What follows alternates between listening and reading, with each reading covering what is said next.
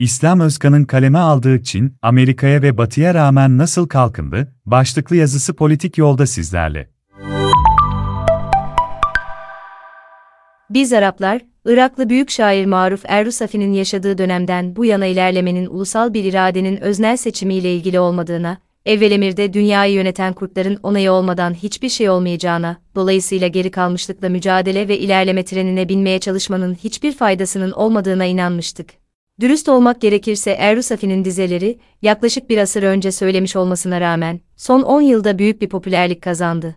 Ünlü Uyu ve Sakın Uyanma şiirinin bu kadar popüler olmasının nedeni, 10 yıldan fazla bir süre önce patlak veren, İran'dan Doğu Avrupa'ya başarılı tüm modern devrimlerin aksine korkunç bir başarısızlık ve yıkımla sonuçlanan Arap ayaklanmalarının yarattığı hayal kırıklığından kaynaklanmaktadır.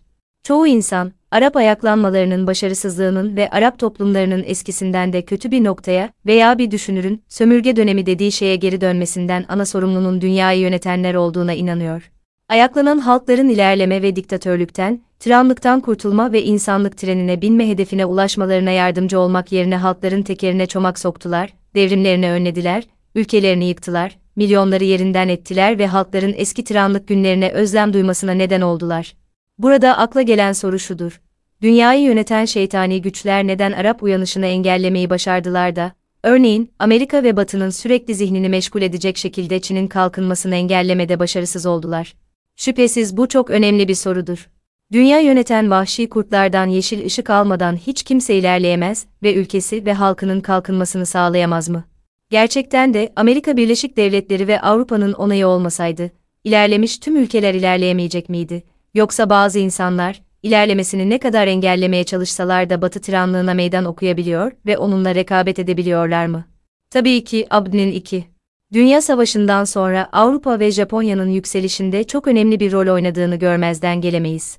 Avrupalılar, özellikle de baştan aşağı harap olan Almanya, ünlü Amerikan Marshall Planı olmasaydı yeniden ayağa kalkamayacaktı. Proje, Avrupa'nın yeniden inşasını amaçlıyordu ve ekonomikti. 2. Dünya Savaşı sırasında Amerika Birleşik Devletleri Genelkurmay Başkanı, 1947'de Amerika Birleşik Devletleri Dışişleri Bakanı General George Marshall tarafından ortaya atılmıştı ve Marshall bunu 5 Haziran'da Harvard Üniversitesi'nde yaptığı bir konuşmada duyurmuştu. Avrupa Ekonomik İşbirliği Topluluğu, Avrupa Ekonomik Topluluğu adını alan kuruluş, savaşta mağlup olan ülkelere çev. 13 milyar doların nasıl harcandığını kontrol etmek için Batı Avrupa ülkeleri tarafından kurulmuştu. Bu parasal kaynaklar, ekonominin canlanmasına, ülkenin yeniden inşasına ve Avrupa sanayisinin işletilmesine katkı sağlamıştı. Yeniden Çin meselesine geri dönersek Batı, genel olarak ucuz iş gücü ve ham maddeden yararlanmak ve vergi tasarrufu sağlamak için Batı teknolojisi ve fabrikalarını Çin topraklarına transfer ederek Çin'in teknolojik ve ekonomik kalkınmasına çok yardımcı oldu.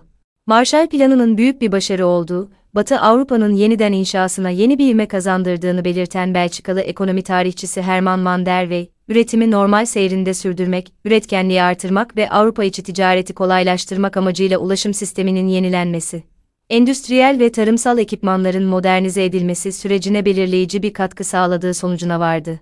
2. Dünya Savaşı'ndan sonra Abd'nin Avrupa'ya desteğinin bir hayırseverlik değil, onu komünist etkiden uzak tutmak için olduğu doğrudur. Ancak Amerikalılar o dönemde Avrupa'nın yükselişinde tarihi bir rol oynadılar. Abd'nin atom bombası attığı Japonya'ya desteği olmasaydı, Japonya bu yükün altından kalkamaz ve tarihi yenilgisinden bu kadar çabuk sıyrılamazdı. Amerikalılar, Japon halkı için tarım ve sanayi yasaları koyarak sadece Japonya'nın yükselişine katkıda bulunmadılar, aynı zamanda Amerika'nın kanatları altında kalması ve ona başkaldırmaması koşuluyla Japonya'nın 20. YYN en güçlü ekonomilerinden ve teknoloji üreticilerinden biri olmasının yolunu da açtılar. İşte burada yazının ana fikri ortaya çıkıyor. Çin, uluslararası arenada Abdi'yi tehdit eden güçlü ve tehlikeli bir rakip olarak finans ve teknoloji dünyasında şimşek hızıyla yol almaya başladığında Amerika bu gelişmeye karşı kayıtsız mı kaldı? Genel olarak Batı'nın özelde Abdi'nin ucuz işçilik ve ham maddeden yararlanmak ve vergi tasarrufu sağlamak amacıyla Batı teknolojisi ve fabrikalarını Çin'e transfer ederek Çin'e teknolojik ve ekonomik olarak çok yardımcı olduğunu inkar etmiyoruz. Ancak Çin'in tarihsel gelişimi, Amerikan iradesinin önüne mi geçti ve Amerika Birleşik Devletleri neden Çin ejderhasını dizginlemede başarısız oldu da bugün ona karşı koymak için tüm ekonomik, askeri ve mali güçlerini seferber ediyor. Amerikalılar Sovyetler Birliği'ni yok etmeyi başardıkları gibi Çin gücünü de yok etmeyi başaracaklar mı? Yoksa Çin GSM'nin Amerika Birleşik Devletleri simsine yaklaşması hatta onu 10 yıl veya daha kısa bir süre içinde trilyonlarca doları aşması noktasına geldikten sonra bu Amerika Birleşik Devletleri için çok mu geç? Ve en önemli soru, Çin neden Amerika Birleşik Devletleri tehditlerini aldırmadı? Errusafi'nin Araplara, ironik bir şekilde, uyuyun ve uyanmayın. Sadece uyku kazandı ve ilerlemenizi gerektiren her şeye geç kalın şiirini okumadı.